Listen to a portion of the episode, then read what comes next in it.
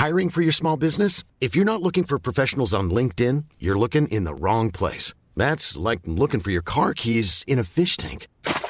LinkedIn helps you hire professionals you can't find anywhere else, even those who aren't actively searching for a new job but might be open to the perfect role. In a given month, over 70% of LinkedIn users don't even visit other leading job sites. So start looking in the right place. With LinkedIn, you can hire professionals like a professional. Post your free job on linkedin.com slash people today. Nu kommer attack ifrån Sugarcane Hanover som går mycket, mycket fort tycker jag. Det är så fort så jag tror att Kallit kan få svårighet att svara. Sugarcane Hanover vänder ut och in på fältet. Startbilen är i rörelse till Svensk Travderby 1987. What the horse, what the driver, nummer ett McLobel och John D. Campbell. Maharaja la Suède, Maharaja s'est retrouvé, le retour, le comeback de Maharaja le 17. Vid några tillfällen. Jag trodde att det var en av de bästa hästar jag hade tränat för. Det tolkades på olika vis. Du behöver inte misstolka det längre, för det här är den bästa häst jag har kört och tränat någon gång. De franska banorna har ju en skonsammare dosering. Den dosering vi har i Sverige, den är ju rent åt helvete, ursäkta att jag säger. Men det har ju varit så att eh, professor Fredrikssons dosering av banorna, den har ju upprepats och inte ifrågasatts. Nu tror ju folk att det är en sanning. Men det är fruktansvärt hur vi misshandlar våra hästar. I sensommarvärmen eh, kallar vi in till ett, ännu ett avsnitt av Trottosports podcast. Det där var ju inga ord och inga visor från en viss Anders Lindqvist nere i Frankrike. Ja, det kan man ju säga. Och han är ju helt tvärs emot vad vetenskapen, får man säga så, här i Sverige där, där man har strävat efter att bygga banor med så hög dosering som möjligt. Ja, i alla Men fall en uh, rejäl lutning. Ja, ja, det går inte... Man kan nog luta dem mer. Ja, men då ramlar ju allt material ner i banan tror jag. Det var häst- hästar och kuskar också kanske. Jag vet Ja, inte. precis. Men eh, uppenbart är det så att Anders tycker att de banor vi har byggt under många år på professor Ingvar Fredrikssons eh, kunskap eh, är helt felbyggda. Ja. Ska vi lyssna vidare på vad han eh, har att Har vi, säga? tid, ja, har vi verkligen tid med det och lyssna på Anders? Ja, vi får se. Vi, vi, vi, vi får klippa om det, om det vill sig. med hjälp av de här banorna. Titta på hur banorna ser ut i Frankrike, titta på hur banorna ser ut i USA. Och USA där unghästarna tävlar väldigt så litigt och har en mycket högre kval och startprocent än vad vi har i Sverige. Nej, det är skamligt att det har fått fortgå så länge. Det här överdoserade banorna vi har i Sverige som kostar väldigt mycket pengar att underhålla också. Om man tittar på Åby som är väldigt eh, högt doserad, är det eh, raka motsatsen till din teori? Ja, de här banorna som vi har i Sverige, Åby, Jägersro. Jag har ju haft en del bra hästar. Och jämt när jag var tävlande i Sverige så blev hästarna mycket mer slitna än vid tävlande här i Frankrike. Och det gäller inte bara Vincennes utan de flesta banorna här i Frankrike är betydligt skonsammare doserat än vad det är i Sverige. Här har man räknat ut det hela och troligtvis har man använt en roulettekula för att hitta rätt dosering i hastighet. Men en häst har ju så mycket, mycket högre tyngdpunkt än en roulettekula. Det är helt åt helvete. Om du tänker dig, skulle det vara en perfekt dosering skulle lika många hästar vilja bryta ut i svängarna som inåt i svängarna. Men 49 hästar av 50 hänger ju inåt i svängarna i princip. Väldigt få bryter utåt i kurvorna om de inte vill springa hem till stallet. Utan den är helt felaktig, kostar stora pengar och skadlig för hästarna. Ja, tyvärr så skadas många, många fler hästar av denna dosering än vad vi tror. Och framförallt när man tränar och kör långsamt så är det ju rena eländet och stackars kallblodarna dessutom. Borde man ha längre kurvor, det är många som tycker.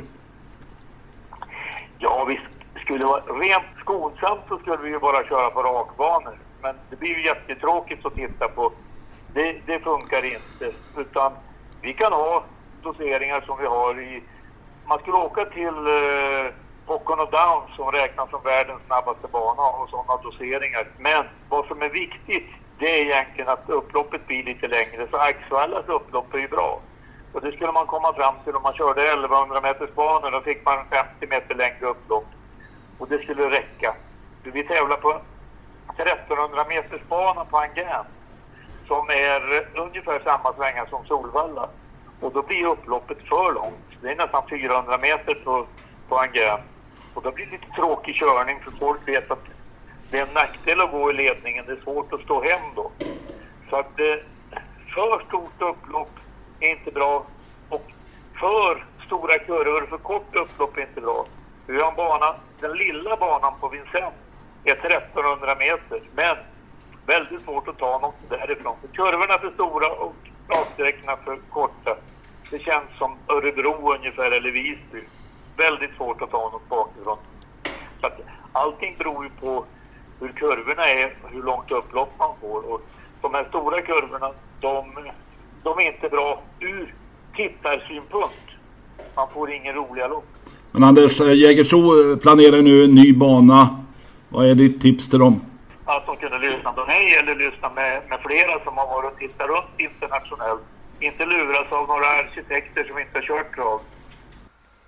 Ja, han fortsätter som sagt och uh, ånga på mot uh, dessa svenska travbanor. Frågan är ja, om, om Anders har rätt så har många hästar uh, fått lida illa här under, under, under många år. Uppenbart är det ju så då. Och han, han är ju faktiskt inte ensam om den här åsikten. Nej, jag har faktiskt pratat med ytterligare en person i ämnet. Vi ska lyssna på Johnny Takter här. Här sitter jag med Johnny Takter och eh, är lite nyfiken vad du tycker om de svenska travbanornas utformning. Vi har ju tagit upp det i podden här de senaste veckan. Vad anser du om, om det? Ja, men I stora hela så är de ju bra. De, vi var ju först kanske i världen med att lägga om banorna för x antal år sedan. Och ha ett fint eh, underlag och spänst och allting. Sen finns det väl en del banor som har en tendens att bli lite för hårda ibland och stumma. Men eh, i stora hela tycker jag vi har jämna fina banor och sen har vi det enda jag har haft synpunkter på lite det är att jag tycker vi har lite för mycket doserat. Jag tror det är lite teoretiskt sett kanske det är rätt men rent praktiskt så känns det för fel många gånger att hästarna ramlar ner i svängarna. Framförallt ju längre loppet är. När de, när de blir trötta alltså? Ja, de blir ju lite trötta kanske i sista sväng och, och sådär. Då, då, det, och det är när trötthet kommer som skadorna kommer. Så att eh, om vi säger typ gaffelband och sånt så, så fort som hästarna går idag och ju längre det är på distansen så har jag en känsla av att det är några grader. Och det, det kom jag på när jag var i, körde på Värmo för jag tror en fem sex år sedan kanske. Åtta, det också, tiden går så fort. Mm. Men då tyckte jag, jag kände, jag hade åttonde spår med någon häst eller sjunde sådär. Då kändes det som absolut var rätt dosering på banan där på Värmo. Därmed inte sagt att de har bättre bana än oss, men de har inte överdrivit den här doseringen som de hade en tendens att göra då för 30 år sedan. Så att jag tror med lite skador, det är lite, jag tror skaderisken skulle, med tanke på just gaffelband som gör att de inte landar helt perfekt på, framförallt i slutskedet av loppen så tror jag är lite för mycket doserat. Jag vet, jag kan inte grader och så, men känslan är den att det är, det är lite för mycket och överdrivet. Att det skulle vara eh, skonsammare för hästarna helt enkelt om man sänkte eh, graden i, på doseringen. Ja, jag är lite orolig för att det har kommit in så mycket gaffelbandsskador de senaste åren när jag, när jag läser. Och jag vet ju, när jag var liten så fick ju hästarna också gaffelband rätt ofta faktiskt. Sen var det en period då de inte fick det.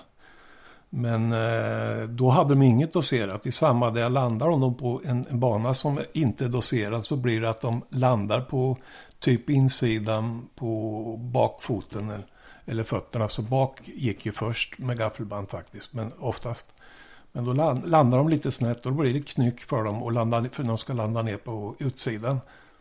Så att, men jag tror vi har samma, lite samma problem idag också. Framförallt vi kör 2-1. 1600 kommer in första sväng på en skarpt doserad bana. Absolut inte fel men eh, ju längre loppet går så, och de kanske pullar upp lite. Du vet ibland går det 22 i loppen och så men eh, då blir det lite problem med dem. Jag tror att vi kan eh, eliminera skaderiskerna med att sänka några grader de gångerna de lägger om banorna. Det tror jag. Mm. Läget annars? Är det någon comeback på gång? Det är många som undrar det konstant. Jo, men jag är jättesugen på att göra det just nu. Men jag väntar lite. Det brinner inte för mig så här. Så att eh, är det så att eh, jag känner nu är det dags, alltså, då, då är det dags. Jag, jag trodde det skulle vara så här. Men nu coronatiden har varit lite tråkig tycker jag. För att dels har man inte fått gått på tävlingar och, och sådär så man får peppa sig lite själv. Man blir lite så här sidosatt. Framförallt jag som är intresserad och gå på tävlingar och, så, och se de här loppen. Men vi får se. Det är inget spikat i alla fall. Nej, inget, inget eh, inom den närmaste i alla fall. Nej, det, är inte, det, det gör det inte. Nu håller vi ju på med boken också. Så att, Precis, vi skriver bok. Ja. Så det vi, vi koncentrerar oss på det. Ja, det tar lite tid och jag får ta den tiden. För det ska bli kul att se vad det blir utav det. Mm. Tack så mycket. Tack så Nu ska vi se. Vi har alltså inte gaddat, vi har inte gaddat ihop oss här. Att, eh, nu ska vi ta in Anders och Jonny som, som vet, eh, vet det här. Utan de är ju två vitt skilda. De vet inte om varandra. Så kan man säga. Och tycker, Nej, och är- tycker då samma sak. Ja, på lite olika sätt. Eh, Jonny lite mer försynt, Anders bombastiskt. Men det är intressant. Det är väldigt intressant. Ja, det är det ju verkligen och det, kan ju visa sig nu då att, att eh, det, det som alla, nästan alla har trott på var rätt väg har varit fel väg. Vi får se hur Jägersro, om de lyssnar på Anders eller någon annan. Där blir det ju mer naturligt för där blir ju svängen eh, vidare.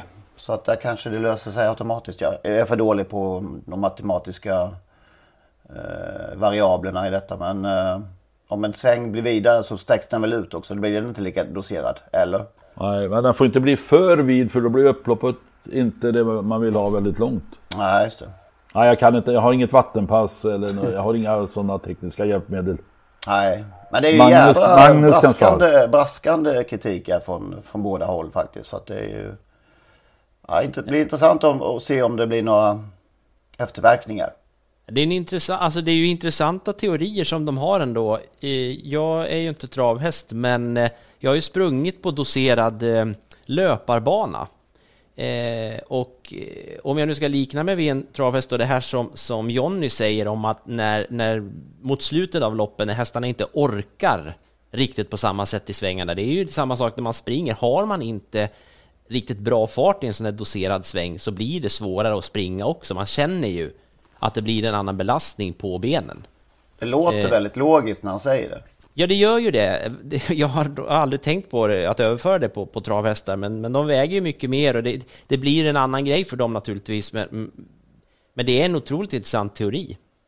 Du har väl sprungit på en travbana dessutom? Ja, alltså jag har, travbana har jag ju sprungit på i, i Lofoten, alldeles riktigt. Där minns inte jag doseringen eftersom jag var så euforisk, eftersom det var min första löptur efter ett, ett år av, av skador i princip. Så jag bara sprang och log och flåsade. Så jag minns inte doseringen på travbanan i Lofoten där, men, men eh, den klarade, jag sprang inte så fort och jag fick ingen skada efter, så att doseringen passar ju min, min far. Men Den dagen. hur är, hur är det med löparbanor? Jag såg SM här i Uppsala i helgen som gick. Hur mycket doserad är en löparbana? Den är inte doserad överhuvudtaget. Utomhusbanorna är inte doserade alls, utan inomhus i och med att man har två, de är 200 meter inomhus och 400 meter utomhus. Så inomhus måste de ju dosera dem helt enkelt, eh, för att annars så... Eh, där skulle det inte fungera, det blir för, för snäv sväng, för starka krafter när de springer 200 meter där. Att, Men man springer alltså en OS-final på 400 meter i odoserade kurvor. Yes. Det kanske säger lite. Eller något. Ja, vi ska inte... Eh, debatten är intressant som du sa Henrik eh, och vi får se vad resultatet blir av detta då.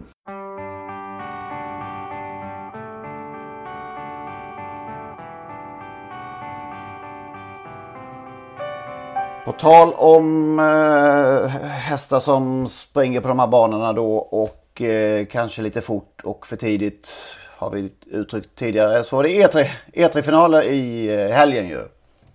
Ja, många som gjorde bort sig kanske. Ja, precis. Det stod, hade man kunnat spela på att No Doubt skulle galoppera den här gången så hade jag nog gjort det faktiskt. Efter sin 10,5 vinst i dödens i kvalet. Barfota och med hela paketet. Alltså hela paketet. Dessutom, dessutom oerhört upphaussad överallt. Alltså det, är, det är svårt eh, för unga orutinerade tränare och kuskar att stå emot det där. Va? Det, Ja, det, där är vi igen liksom. Men eh, ja, vi fick eh, två överraskningar. Det är inte första gången när det handlar om just korta E3 där. Dels Glo Globalizer heter den va? Som Stefan Persson ja. smög fram från invändigt läge och eh, fick luckan och spurtade till seger. Och sen då Hennessy Am i eh, hingstarnas uppgörelse där från dödens va? Ja men alltså det var ju ingen jätteöverraskning tycker jag. Den var ju hur bra som helst i kvalet och eh, nu när då Nodapt och Hellbent for Am gjorde bort sig. Så var ju den kanske den givne vinnaren eller tredje hästen där. Bombus Jet galopperar väl också. Det som är intressant är ju att Hennessy Am var en av tre finalister både när det gäller sto och hingstarna eh, som tävlade med skor på alla fyra hovarna. Mm. Heja, säger vi. ja, det, det, är ju en framgång eh, i det avseendet. Globalizer är ju en framgång för Stefan Persson också som numera eh, catchdriver och inhyrd eh, fortkörare. Har ju sin bästa säsong som kusk, eh, tror jag, i karriären. Eh, han, han, tog den chans som fanns, körde invändigt, hade den tur som behövdes och Globalizer var ju bara bäst när det vankades upplag. En dotter till Bold Eagle och den andra en dotter till Muscle Hill och det är, det är de här stora avelshingsterna som oftast vinner de här loppen. Tänk att eh, Sveriges sämste kusk har blivit catchdriver. Han har fått utstå det några gånger på Twitter i alla fall. Ja, han, haft, han har haft sina belackare. Ja, Twitter är märkligt i det avseendet att, att eh, det är lätt. Eh, det händer ofta att kuskar och tränare döms ut. Och, eh, den som dömde ut eh, Stefan Persson, oavsett den här scenen, inte var väl lite snett på det. Ja, tjusigt kört, verkligen. Finns det något mer att säga om eh, E3-finalerna eller ska vi bara eh, ja, tacka, ja, för, tacka för den här gången? ja, vi kan väl lära oss den där läxan en gång för alla, det som du sa nyss Henrik också, att det händer mycket eh, i korta E3 och det hinner hända mycket på, på den här tiden mellan försöks eller uttagningsloppen och finalen. Det syns ju på hästarna. Vissa mår bättre av den där genomköraren och, i, som uttagningsloppen är och andra mår ju lite sämre, minst sagt. Helgardera de här finalerna nästa år. 144 vi... rader, ja precis, ja. nästa år. Det är bara att vika undan redan nu, börja samla. Panta tomglas. Men det är ju så, treåringar, i, inte i slutet på säsongen, men mitt i säsongen, då blir det händer väldigt mycket formmässigt och de blir slitna och det är kort tid mellan försök och final. Och det är skoryck hit och skoryck dit, det är amerikanska vagnar och helstängda huvudlag. Så att det är svårt ja. att, som sagt, helgardera nästa år. Mm. Kort, kort, kan vi komma ihåg det? Nej, kommer inte göra. Nej.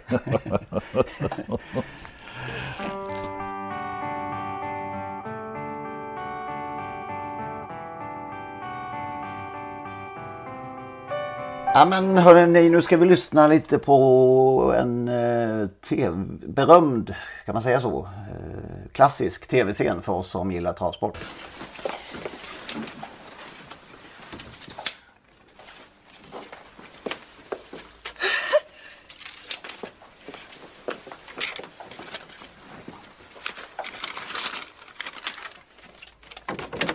Hejsan morsan här är pengisar ifrån älsklingsgrabbgrabben. Radidida, lidida, Var har du fått alla pengarna ifrån? Life Star. Aces Tonic. Another Lord. Florida Flower. Sunrise Tilly. Har du vunnit? Mm, 119 683 kronor morsan. Du kan väl ta hand om honom? Jag menar, jag är ju skyldig dig en massa. Men det här är ju bara några tusenlappar. Det, det, det här är ju en hel förmögenhet. Om du tar hand om honom så kan jag ju låna när jag behöver. Du vet, jag har ju så stora hål i fickorna. De bara försvinner. Ja, äh, Lillemor? Eh, ja, nej, hon, hon, får, hon får 5 000. Eh, resten ska jag ha till spel. Den tatuerade änkan alltså, det här eh, Joakim Hershagen. Sonen till 60-åriga kvinnan Ester som spelas av Mona Malm. Som efter en kväll på Solvalla kommer hem till mammas lägenhet och stoppar alltså en himmelens massa tusenlappar i brevinkastet. är, det, är, är det någon av er som har provat den metoden? Nej, inte genom... Eh, nej, man kommit hem och lagt, eh, lagt ett, lite buntar på köksbordet? Har du ja, det har man ju gjort. Spritt, några, spritt dem i en, i en soffa, det har man ju gjort. Men inte, inte brevinkastet. Men det här var ju alltså då Göran Forsmark som spelade Joakim Hershagen i eh, Den tatuerade änkan, den klassiska Lars Molin tv-dramaserien som gick eh, i slutet på 90-talet tror jag. Eh, gick ju tiden. Bara 65 år i förra veckan. Härlig skådespelare. Väldigt speciell person och eh, ja, alldeles för tidigt bortgången ju. En stor traventusiast. Och även galopp tror jag. Eller? Ja, han var eh, nog intresserad av båda men framförallt, eh, framförallt travsporten. Träffade ju Stig Lindmark tidigt i livet eh, och blev frälst tror jag. Och från Koskoskulle av alla ställen är han ju, var han ifrån uppe i, utanför Malmberget i, i Lappland där. Är det någon, är någon mer som ni känner till från just denna lilla Koskullskulle? Det är det faktiskt. Janne Holmlund. Nej du, nu var du snett ute. Och så kommer Janne Holm. Vad heter han då? Janne Back- Boklöv. Ja, men även eh, den jag, den jag just sa. Kommer Jag pratar, om, jag pratar om kända personer. Ja, okej. Ja, det var den, här- den här jag pratar om. Han kraschade i eh, 90 metersbacken i Lake Placid 1980. Oj, oj, oj, oj, oj. Vad gör Ja, karln? Vad gör karln? Säger Plex. Plex. Han var, komma, han var därifrån också. Och så Janne Boklöv, han som uppfann V-stilen.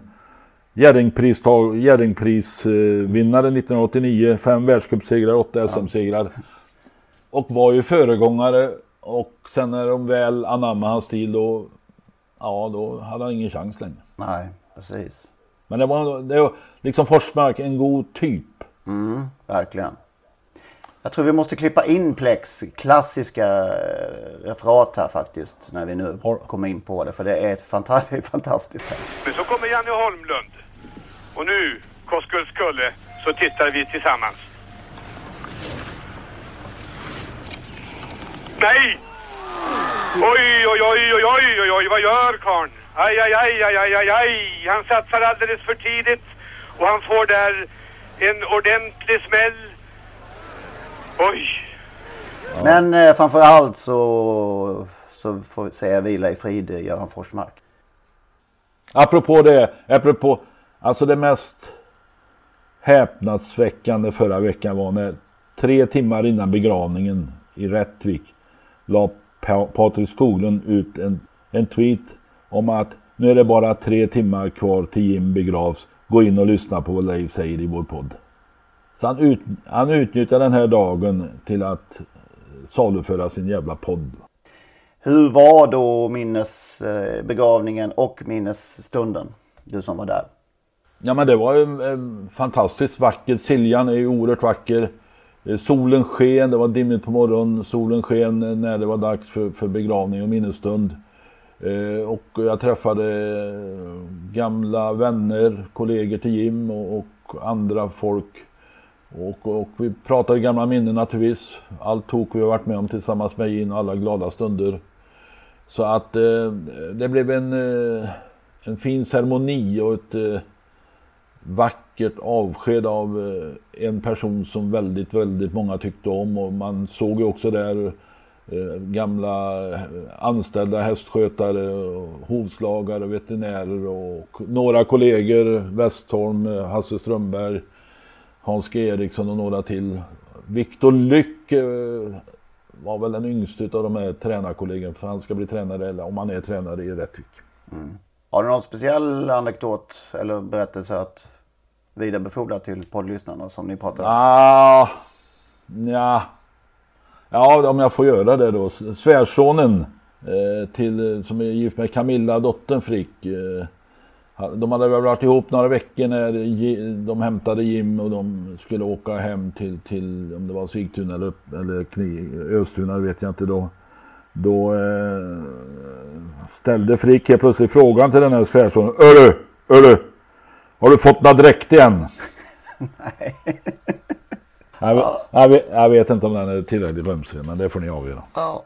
Nej men det, var, det, är väl, det är väl lite frick ändå. Ja. Det är det. Jag såg ju den här, eh, den här begravningsceremonin via, via webben då. Deltog på det lite annorlunda sättet. Och en fundering jag hade på Jims kista så var det ju dels det fantastiska porträttet på honom där i, i folkdräkt och med en häst som nafsar i, i hattbrättet där. Men så var det också ett målfoto på Frick när han vann med Almkvick. Vet du historien bakom det, Lennart? Varför var just av alla segrar, av alla lopp, varför var Alltså, det jag- målfotot? Jag tyckte också eh, att det stod Almkvick. När jag tittat lite mer noggrant så stod det faktiskt Almfrick. Oj! Ah! Så att eh, det var en häst. Eh, jag gissar att han var uppfödd av Almsvartens uppfödare Knut Alm. Eh, som de döpte till Almfrick med dubbla K, inte med C och K. Det kanske inte finns något C i norskan. Jag Ja, men inte. just det, ja den minns jag ju när du säger, ja men okej, ja ja. Då blev det mer logiskt. Det får man ju säga att det var, naturligtvis. Ja. Eh, eh, Jag, jag, det var en norsk journalist som frågade om han fick använda bilden och, och han undrar samma sak. Varför i hela friden är Almkvick med på kistan? Men det var, det var almfritt så det fanns en, en logisk, som du säger eh, eh Henrik, eh, en logisk förklaring.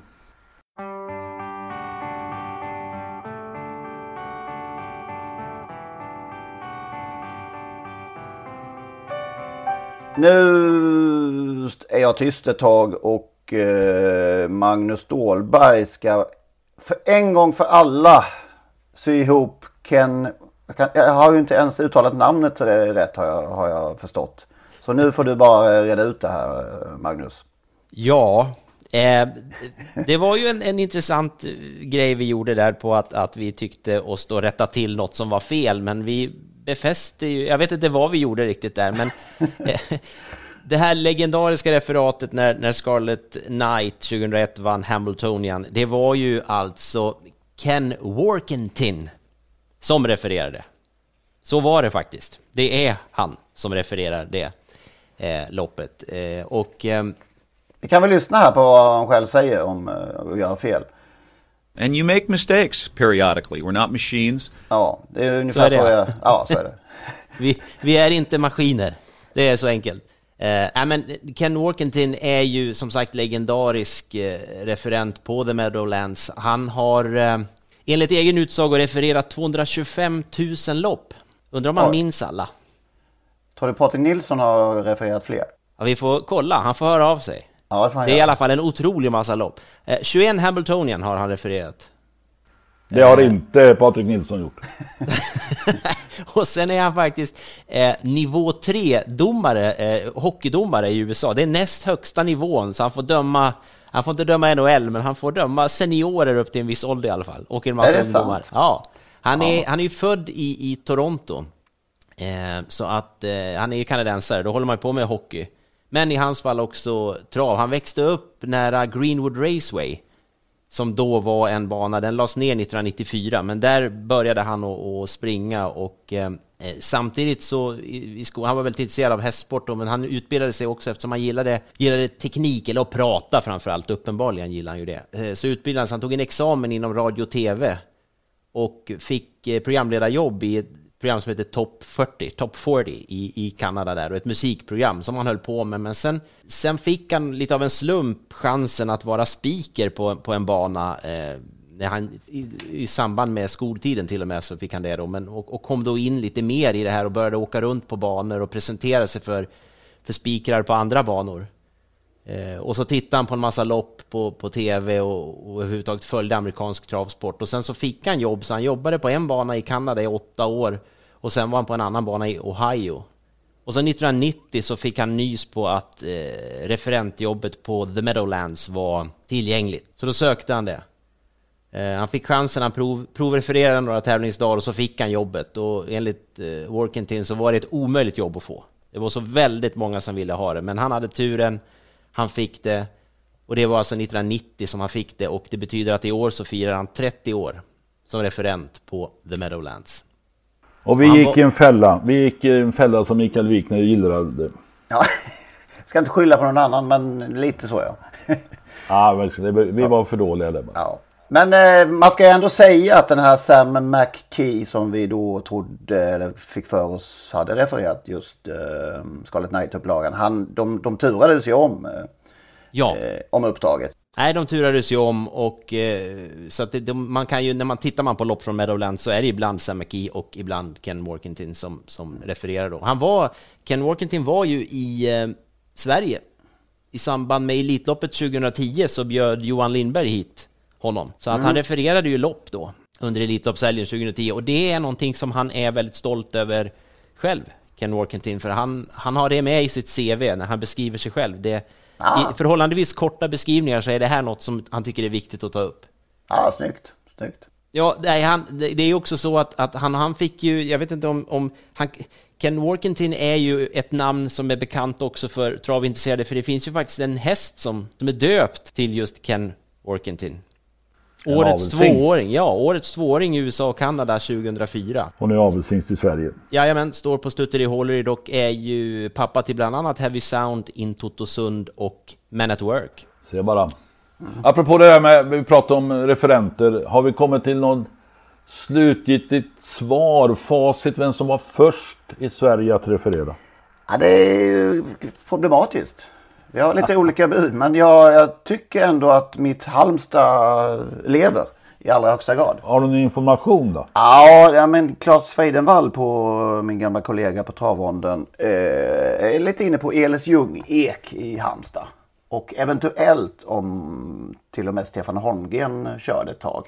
Vi måste få tag i Stefan Holmgren ju. Ja, någon måste, och någon måste veta det här ju. Eh, Jag läste, läst, hörde någonting om att eh, Bengt Larvik hävdade att han var först i Sverige. Ja, det är fantastiskt eh, roligt. På Jägersro, men då visade det sig att han efterträdde Peter Kastensson. Han var inte ens först, i- han var inte ens först i östra Malmö.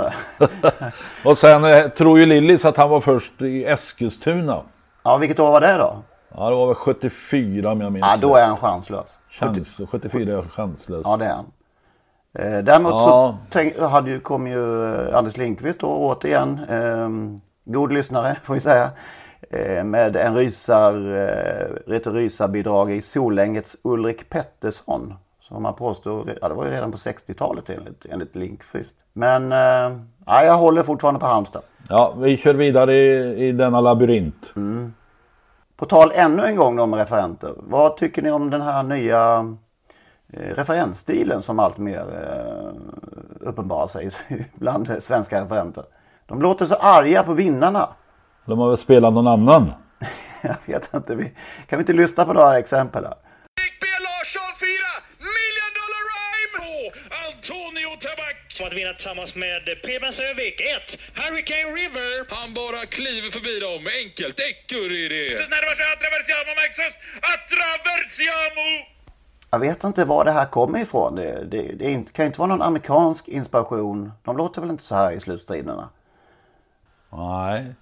Jag tror att, ja, jag vet inte, alltså, som, som Lennart säger, arga på vinnarna, men kan det vara så att de har tittat mycket på, på Niklas Holmgren, eller hört Niklas Holmgren mycket? Finns väl ingen som kan låta så arg och, eh, ja, aggressiv, passionerad, eller vad man ska kalla hans, hans stil för när han kommenterar fotbollsmatcher. Ja, han ju, han väcker poäng. ju en när man har somnat i, framför någon bra, eller kanske inte så Ja, bra han, väck, match där. ja, han, vä- han väcker de döda till och med. Ja, det gör han fan. Nej, det är, men någon måste ju ha bildat skola här. Ja, någon måste ha varit först. Ja, visst. Ja, jag begriper, har- begriper det inte. Jag tycker det är jättekonstigt. Ja, jag har inte reflekterat över det förrän du påpekar detta nu Henrik. Nej, jag tänker på Eh, hur Bosse Ryggen och eh, den skolan uh, refererade in vinnarna. Det var ju alltid i uppåt, uppåt ton till slut liksom. Vi kanske kan få något svar på detta också. om någon- Ja, mejla gärna in. Jag tror vi glömde, vi pratade om duktiga referenter. Robert Karlsson är ju också en, en duktig referent och lite speciell i sin stil. En av de arga. Ja, han är, ja men han, han, Det är kanske han som eh, var först. Kan ju vara så. Han, han är nog urtypen för Niklas Holmgren där lite grann. Stor och, och eh, burdus. Ja, det kanske är det kanske är honom de andra tagit efter. Så kanske. Stora, stora Norrland. Mm. Johan Emskog gillar jag för övrigt. Det glömde jag också i Kalmars och ibland eh, på Jägersros referent. Ja, ja. Det finns många bra. Det finns många bra. Men då är vi inne på Hanske och då kanske vi ska ta oss in till ett gammalt eh, jubileumspokalslopp här som jag i alla fall kände när jag blickade tillbaka kanske är lite bortglömt. Och de iväg. Starten har gått i Solvallas jubileumspokal. Edcom Hector dummade sig kort före start. Eh, Scarlet Knight laddar första biten fram utan på tre setbowl. Han försöker Stefan Tasha Melander. Varren är med där bakom. Det här kommer ju att bli så Johan. Att Scarlet Knight kommer att få överta linjen. Nu får Barren, Il Capitano, världens bästa häst, gå utan på vår egen fyraåring Scarlet Knight. Det var en spännande öppning. Jaha, ska det är så att jag ryser alltså. Detta är ju ett löpningsscenario som varje travälskare har hoppats på. Svenske Scarlet Knight i ledningen och Varenne kommer att få trava utvändigt loppet igenom. Det är mindre än 900 meter kvar. Åtta Scarlet Knight, eh, Stefan Melander där framme. Varenne kliver fram utan på ledaren då. Tre set bowler där bakom, där även fem Wiz Vi glömmer dem. Vi glömmer dem mina damer och herrar, för det är de två kejsarna där framme. Vår egen Scarlet Knight, fyraåringen, med italienske mästaren Il Capitano, två Varenne utvändigt. Nu är tempot uppskruvat, det är 16 meter kvar. Är det inte så Johan, att det är lite fördel Scarlet Knight? Ja, jag vet inte vad jag ska säga. Detta kommer att bli kusligt spännande. Är Scarlet Knight fortfarande i täten, men nu är Varenne mycket, mycket närgången. Och vi vet att Varenne är världens bästa travhäst när det gäller att trava i en kurva. Åtta Scarlet Knight, två Varenne, sida vid sida. 300 meter kvar. Nu är showen din, Hanske! Här eh, kommer de! Scarlet Knight, Varenne möts av publikens jubel. Titta på de andra, de är avhängda. Varenne utanför Scarlet Knight. Upploppsklockan har ringt. Il Capitano tar över. Världens bästa häst, italienske Varenne, har gjort det igen. Det är ett enormt jubel på eh, Solvalla. Kanske sista gången vi ser den i Sverige. Han har gjort den tunga vägen. Il Capitano, Varenne. Ja, 500 kvar här. Alltså, eh, tyckte jag genom svängen bara några hundra meter att jag skulle kunna ha chans att rå på honom. Och in på upploppen när jag drog ur ryckarna. Men liksom jag kände det direkt. Det var en fantastisk häst. Det, och det är ju inte fy skam att torska mot honom eh, såklart. Ja, han visar i alla fall idag vilken häst han är. Men det har han gjort många gånger tidigare. Men ah, gå utanför skalet Knight, det, de här farterna, det är ingen lätt. Jag tror det finns ingen annan häst i världen som klarar detta. Har han någonsin gjort ett bättre lopp än det här? Kusken sa i alla fall att han känns någon gång bättre, men det är klart, det springer han världsrekord på 2000 meter 11 och 2, att det, det är säkerligen ännu utav hans bästa löp. Men det får vi nästan säga varje gång han har startat nu på slutet, liksom gått världsrekord i Finland, varit jätteduktig i Malmö och sen gör det världsrekord här i att det, han verkar bli bara bättre och bättre häst. Scarlet Knight och Varenne alltså ett hisnande slutvarv.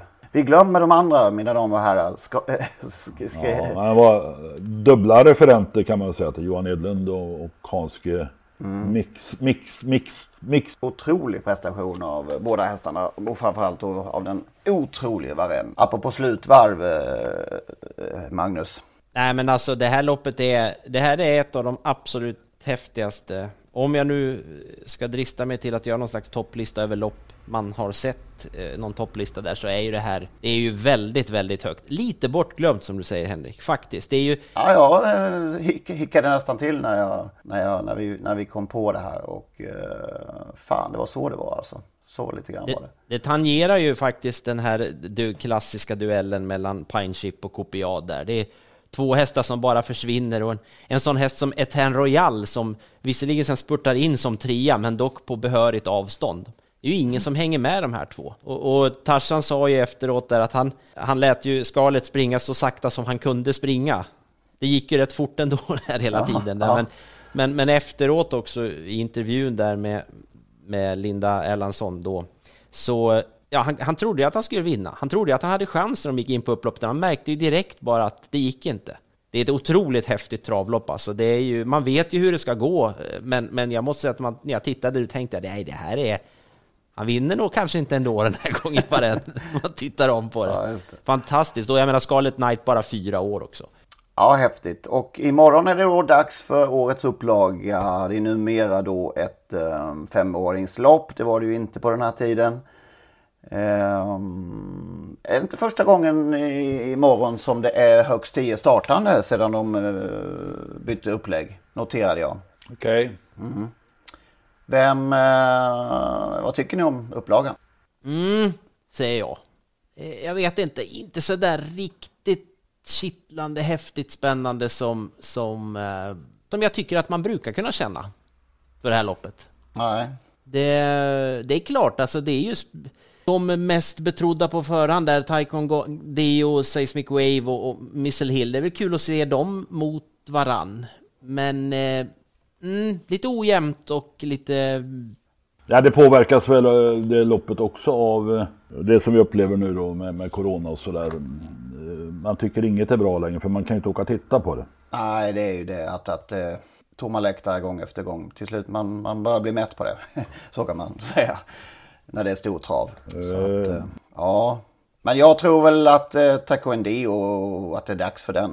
Ja, alltså lite intressant är ändå eh, Jerry Riordan eh, fortsätter, eller han satsar på de här unga Ljuse, Magnus A. Ljuse, den, den här unge pojken. Även i ett sånt här lopp. Mm. Är det rätt ljus nu då? Ja, det vet jag inte, men det är rätt fas, Saren fas. Och han är, ju, han är ju just efter Varenne. Just det. En sån ja, sak. spår 3, ja. Det kan mycket väl bli så att Saren Fas vinner där och Riordan vinner sin andra storloppsseger på fyra, fem dagar var det nu är. Fyra. Vem är le- ledaren i loppet? Har ni koll på det?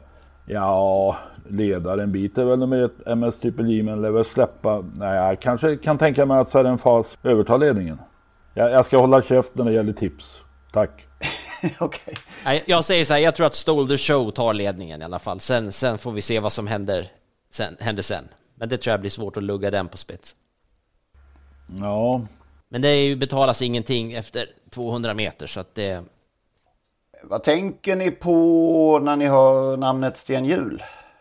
Ja, jag tänker på en evighetsmaskin som under många år har dominerat dansk travsport.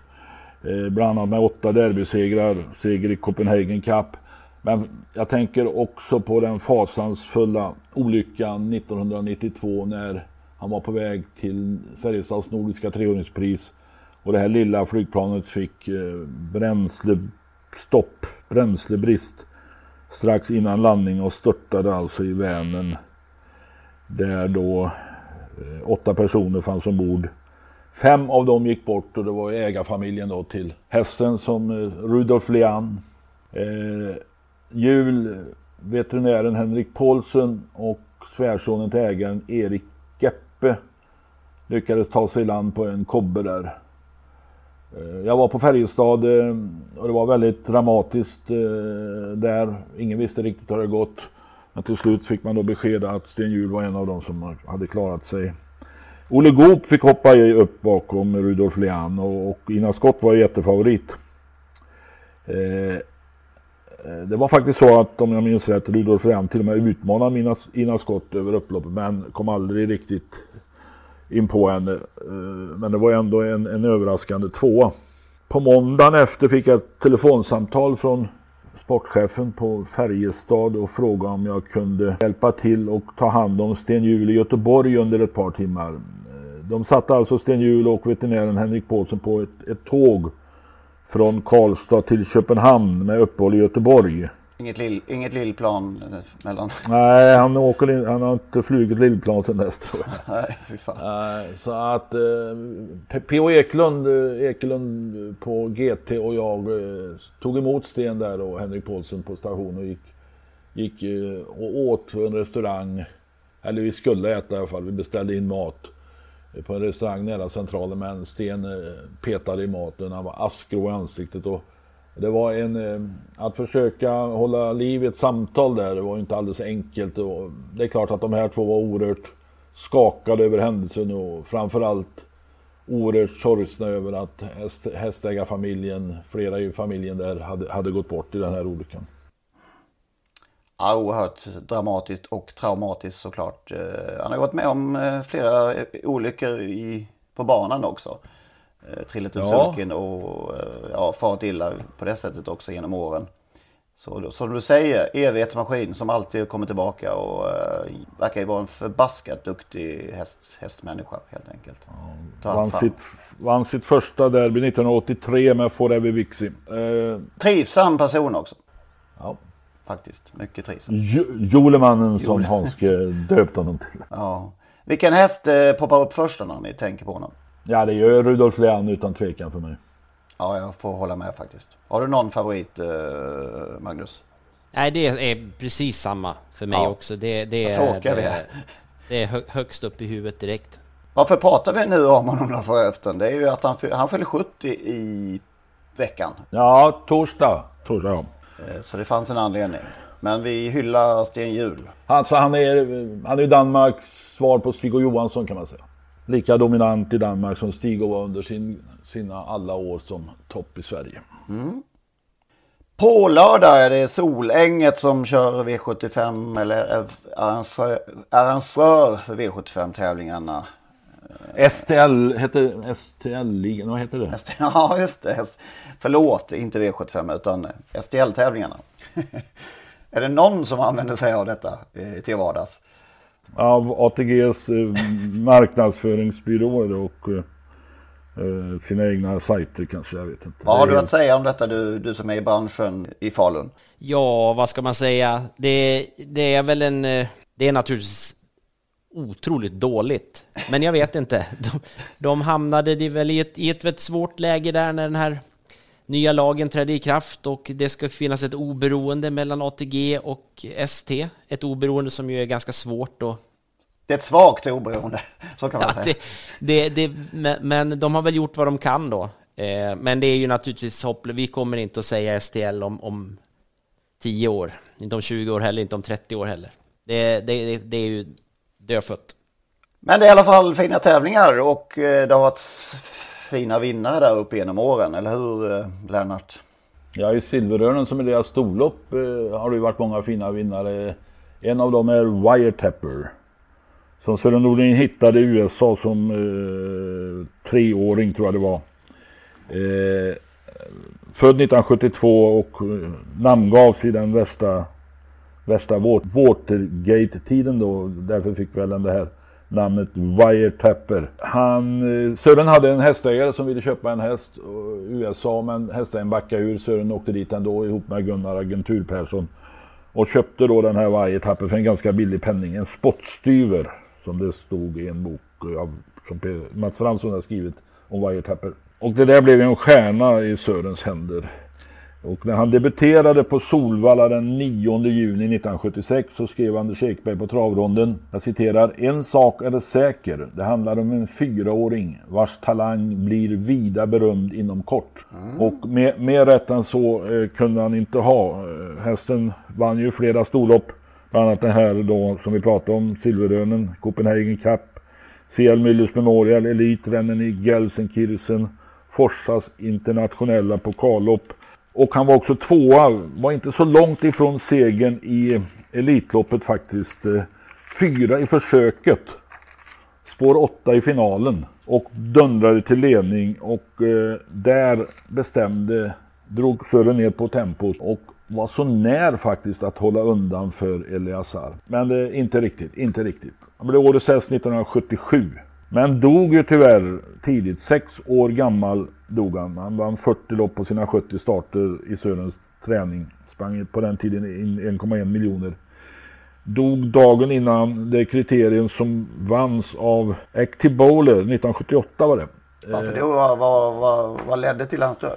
Kolik. Okay. Och det var, eh, dramatik naturligtvis och eh, dagen innan det här kriteriet och Active Bowler med Sören vann och gick då upploppet ned efter segern tillsammans med hästen och skötaren, jag tror det var Hans-Erik Hacke Olander eh, och hedrades, hyllades för segern men hedrades av den stora publiken för varje tappers bortgång. Och det där blev en tradition. Sedan dess har ju kriterievinnarna segerdefilerat på samma sätt så att um, varje tappe låg bakom den här traditionen. Till um, numera, eller jag vet inte när det, den här triumfmarschen ur AIDA började spelas. Men det, det... det förmodligen lite senare. Jag tror inte det ja. var någon musik där då. Jag är osäker. Ja. Men jag tror icke det. Eh, ty tyvärr blev det också en eh, skattetvist om den här eh, pengarna som Wiretapper sprang in. Ägare, som ägare stod nämligen Astrid Nordin, Sörens hustru alltså. Men skattemyndigheterna hävdade då att, att det egentligen var Sörens häst och att pengar, pengarna skulle räknas in i hans rörelse så att säga. För Astrid, eller för en hästägare var det en hobbyrörelse om man inte hade mer än två hästar på den tiden. Så eh, om Astrid stod som ägare var Sören räkna med skattefritt. Eh, nu vet jag inte hur den där tvekampen med skattemyndigheterna slutade men jag vet att minns att Sören var mycket vred. Så som Sören kunde vara kanske emellanåt. Ja, ja, som alla är som sysslar med skattemyndigheter. ja. I MM slog ju världsrekord här i, i den här löpningen också för några år sedan. Uh, apropå världsrekord. Ja, just, ja. just det. 10-7 sprang han där uppe för Torbjörn Jansson, Mårten Vågels stjärna. Eh, nu är det väl inte rekord längre. Det är väl något. Det är väl slaget. Ja, det brukar, de brukar slås. Slå så jävla mycket rekord. Jag måste nämna, jag måste säga där om, om, om Wiretapper som ju är, det är ju före min, min tid som tra- travintresserad. Jag var inte så gammal då och framförallt inte intresserad av travsport. Men för mig är ju Wiretapper ett sånt där namn. Eh, Mats Jakobsson var, förutom min mormors fästman under många, många år och en härlig man på alla sätt. Han var bandomare på, på Rommetravet i många år också. Och han lärde mig massor om trav. Och han berättade ju för mig då att den bästa hästen som har funnits, som han hade sett, det var Wiretapper. Och det var ju det var omöjligt att få se Wiretapper då. Eh, det, det fanns ju ingenstans man kunde se någon film med, med Wiretapper. Så man sätter dem på bild, men så fick man sen chansen att se, jag tror det var i samband med, med Solvalla när de gav ut sin någon jubileums-DVD med alla Elitlopp på. Då, för första gången, fick jag se Wiretapper i det här loppet som, som Lennart pratar om. Och eh, jag kan förstå vad Mats menade då med, med att det var den finaste hästen han hade sett. Det var en mycket kräsen, han var så kräsen och Alltså. han hade, han sa det var väldigt sällan han sa något gott om någon häst. Han var ju bandomare och han rapporterade ju och han var ju förbannad varenda lördag när vi tittade på V75-sändningarna där. Att de skulle rapporteras hälften, och han var ju arg. Det här är ju alltså tidigt 80-tal, så då travar väl hästar klart sämre än vad de gör idag. Men jag lärde mig vad orent trav var, bland annat av Mats. Men Wiretapper, han travade inte orent. Jag minns ett speciellt lopp där med Wiretapper som han faktiskt inte vann. Och det var 1977, Färjestads jubileumslopp. En duell mellan utmanaren Stig och Johansson som hade Joker On och Mäster Sören då med Wiretapper. De stred sida vid sida och det såg ut som Wiretapper skulle koppla greppet. Men Joker On lyckades kontra tillbaka. Och det var på något sätt, alltså dessa två antagonister från Forsa slogs om kungatiteln just då. Och det kändes som det loppet var tiden då Sören abdikerade som, tro- från tronen. Även om han vann derbyt fyra år senare med Mustard. Eller tre år senare med Mustard 1980. Men där fick man känslan att nu är det Stigor som tar över. Det, det, det, var så... Det tippade liksom. Ja, signifikativ för detta va. Och så blev det också. Ja, häftigt. Det är ju ny upplaga på, på lördag här. Jag blir lite stressad i min kropp när jag läser att Stig och Johansson på frågan hur högt han skattar diamanten under sin karriär svarar att han hamnar nog på topp 15 av sina, alla sina topphästar. det, blir, ja, det känns inte riktigt bra. Det känns inte riktigt bra faktiskt. Han måste ha glömt, han måste ha glömt ett hundratal. Det är lätt att glömma. Ja, för det är han ju knappast. Nej, det ja, jag har svårt. Jag tror vi kan räkna upp i alla fall 16 som har varit bättre. Jag tänker, det måste ju vara för Stig och, ja bortsett då från Victory Tilly och Queen L och, och någon till så, så måste det vara lika svårt för honom att, att ranka sina hästar som det är för oss att säga vilket är det bästa mål som Zlatan har gjort. Ja, och så är det... Vilket är det snyggaste? Det är alltså sån unik räcka hästar Ja, det är så. Det är så. Ja, vi, jag tror vi kommer återkomma i ämnet eh, under hösten här. Hur, hur, sätt, hur, sätter man in, hur sätter man in Grain som var eh, en av Sveriges mest lovande hästar som gick bort som femåring till exempel. Då. Ja. Och Gallini som var knappt slagen av Grain där. Det är svårt att, mycket svårt att sätta in dem i någon form av rank. Ja, börjar vi rabbla så blir det många. Men eh, vi kommer som sagt, eh, utan att säga för mycket, att återkomma i ämnet tror jag under hösten. Men Diamanten kan mycket väl vinna Silverörnen på lördag naturligtvis. Ja, det var väl inte den häftigaste upplagan vi har sett kanske. Så att, eh, Bra läge och hela paketet nu igen då. just det. inte, inte minst. Ja.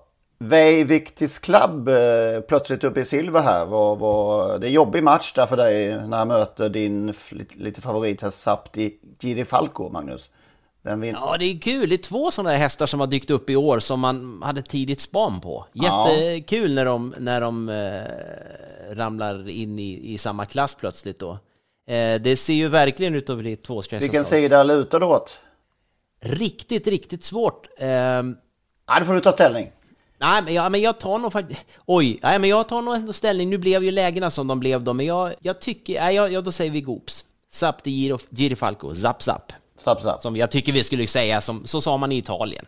Ja, just det. andra är så förbaskat svårt att komma Ja. ihåg. Sapp, sapp är mycket lättare. Är det Napoli-referenten där som... Ja, precis. Precis det. Så att eh, den referent som börjar köra med Sapp Sapp först, det, den kommer jag kalla Sveriges bästa. Ja, sådär ja, en, en hälsning eh, till referent Sverige. Ja, är det spets här och så, och så eh, klassiskt eh, mjölka undan? Ja, men det känns ju som att överta, om inte annat tidigt, är så som det kommer att se ut. Mm. Och så kanske vi får en, ett slutvarv alla Varenne och Scarlet Knight. Ja, en sån duell vill vi, vill vi se. Ja, ja, ja. Kan drömma lite grann. Ja. Apropå Solänget så eh, var faktiskt drottningen, travdrottningen Francis Bullback där och startade två gånger. Oj! Eh, första denna. gången, ja, och kanske att det var ägaren Martin Eklund, Väsby stuteri, som var från Övik som eh, lyckades, eh, eller som då ville visa upp henne på sin gamla hemmabana. Gamla hemmabana, alltså den var bara två år gammal när, när Sören var där med Francis Bullback första gången. Fick då stryk i skiljehit mot eh, eh, Christer Boy och Francis Bullback stod nog 80 meter efter. Christer Boy kördes av Tage Stridsberg som var tränare på Solvalla som sen blev känd som V5-kungen. Han tog två ensamma V5 inom en kort period på Solvalla med jättemycket pengar. Hon kom tillbaka två år senare och då vann hon Francis Bullback. Eh, Det var så att eh, hon vann det första heatet, det var hitlopp, utklassade sina konkurrenter och eh, då bestämdes att hon skulle gå utanför Totton i det andra heatet. Efter? Och det gjorde... Vilka det tar det beslutet? Ja, det gjorde måldomarna eller, Ja. måldomarna, eller sportchefen, det vet Ja, jag nu får, det vara nog, nu får det vara nog här. Ja, men det, det innebar förmodligen att de gick miste om ett nytt fint omsättningsrekord den dagen. För att eh, eh, de trodde nog att spelet skulle ta stryk med Francis Bullback in, innanför Toto. Men ja, jag vet inte. Felbedömning. Ja, kanske. Så det hade Men inte, det- Hans Skarplöt hade aldrig tillåtit något sånt? Nej, det går inte. Det, finns ju inte den möjligheten idag att ställa hästar utanför Toto. Jo, det finns det om de är reserver i någon sån där kuskmatch. Eh, men skilje-hit, vad sa du? Skilje-hit eh, med 80 meters tillägg? Ja. Vad är det för variant? Ja, det var vanligt på den tiden. Det var det alltså? Ja men det- den hade, eh, Francis Burk hade 80 meters tillägg i varje, både första, andra och tredje hitet. Mm. Ja. Kanske något att återinföra. Vålds, våldstart, eh, hitlopp. Ja, varför inte? Den har jag aldrig upplevt faktiskt. Ja men du är så ung. Ja, tack, tack, tack, tack. Ja, men ska vi vara nöjda så? Har, ja, har ni någon vinnare på, det är jackpot ännu en gång, men denna gång med, med hjälp av sjurättspengar. Ja, det är ju riktig jackpot. Den enda jackpot som borde finnas överhuvudtaget Ja, om vi det ska ha sant. det. Det är sant. Efter debaclet i lördag så ber jag få avstå att överhuvudtaget nämna någon häst eh, under de närmaste veckorna framöver. Närmast resten av året. Ja. Man har du kan- någon eh, då, eh, Magnus, utöver det vi har pratat om? Kom det en suck där? Alltså, nej. Jag, spontant ska jag säga så här, när jag såg startlistan eh, så fick jag feeling för, för just i Silverörnen, för Mind Your Value VF. Jag kan inte riktigt motivera det här och nu bara. Får se om Nej, jag det kan jag motivera mycket det nästa vecka. jag förbereder redan min avbön, men den kommer inte förrän i nästa avsnitt. Ova, är det Ove Ander Lindqvist som kör? Ja, det är det. Intressant. Då väntar vi på den avbönen och, eh, en vecka. Eh, Nästa tisdag nämligen är vi tillbaka med ett nytt avsnitt. Så eh, tackar vi för den här veckan. Men du Henrik, en, en grej. Vi må, jag känner så här, kan vi inte bara avsluta med sista ja, 200 av det här av jubileumspokalen Scarlet Knight Varenne och få just höra, vi har pratat referenter och vi har berömt Hans G igen. För i det här referatet, jag vet inget annat referat, där det lite brister. Han får en liten tupp i halsen. Jag tror att Hans G är berörd när han verkligen sådär... Det skulle vara kul att veta om, om han har den eh, relationen till det här loppet som jag tror att han har. Det känns Ja, som det att han är väldigt, väldigt berörd i det här referatet, som ju är ett av hans bättre, Man jag. kan spela mycket här i livet men när, men, när rösten brister, det, det är svårt att få fram det på låtsas. Ja, speciellt i ett sånt här trav, ovisst travlopp som det är. Nej, det är ett, fan, Ja. det, det är ett jättefint eh, referat och... eh, Hör av dig, Hans det- vi, vi ska ha det. Ja, det tycker jag. Vi vill gärna veta mer om det här och vi vill framförallt höra det igen. Hans, Ha- Hans Tuppen Lindskog. Eh, Eh, ja, hör av dig Hanske sa du. Mång, ni får höra av er alla för vi har ju en mailadress. Podcast.trottosport.gmail.com och så finns vi på Instagram och Twitter. Eh, Och stötta oss hemskt gärna på Patreon också. Eh, Det ramlar in en och annan nu så det är vi jättetacksamma för. Patreon.com. Sök på Henrik Ingvarsson och eh, supporta oss. Det blir vi jätteglada för. Så hörs vi i nästa tisdag. Ha det gott. Det gör vi. Hej. Take it away Hans G. Ja, hej. Tuppen. Här kommer de! Scarlet Knight, var en möts av publikens jubel. Titta på de andra, de är avhängda. Var en utanför Scarlet Knight. Eh, Upploppsklockan har ringt. Il Capitano tar över. Världens bästa häst, italienske Varen, har gjort det igen. Det är ett enormt jubel på eh, Solvalla. Kanske sista gången vi ser honom i Sverige. Han har gjort den tunga vägen. Il Capitano, Varen.